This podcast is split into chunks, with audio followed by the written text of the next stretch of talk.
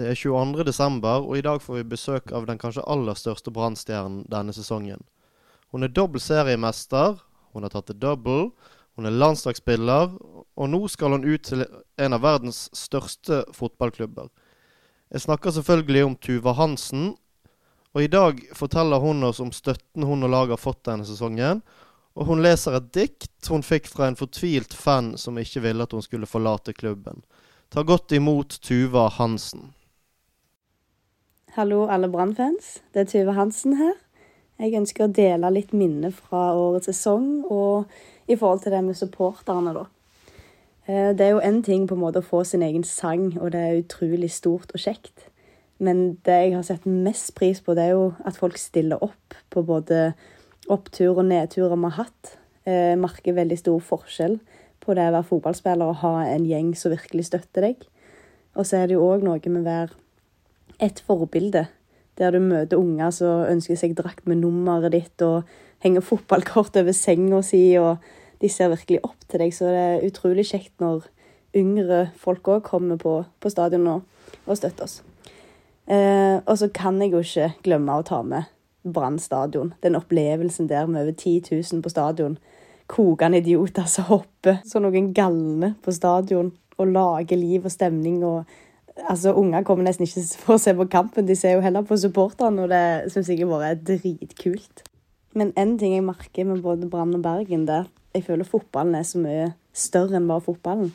Og jeg har egentlig et godt eksempel her der jeg fikk et dikt når det var aktuelt at jeg skulle til Bayern, da.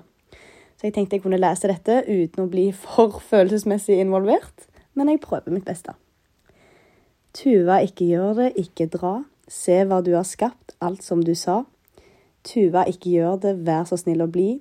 Please, fortsett å bygge, vi skal hjelpe til, vi. Du betyr så mye mer, du representerer alt som er godt verdien i idrett, troen på noe flott.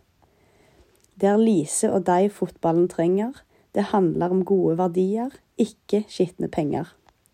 Vi trenger en fotball og et samfunn med verdi. Vær så snill, Tuva, kan du ikke bli.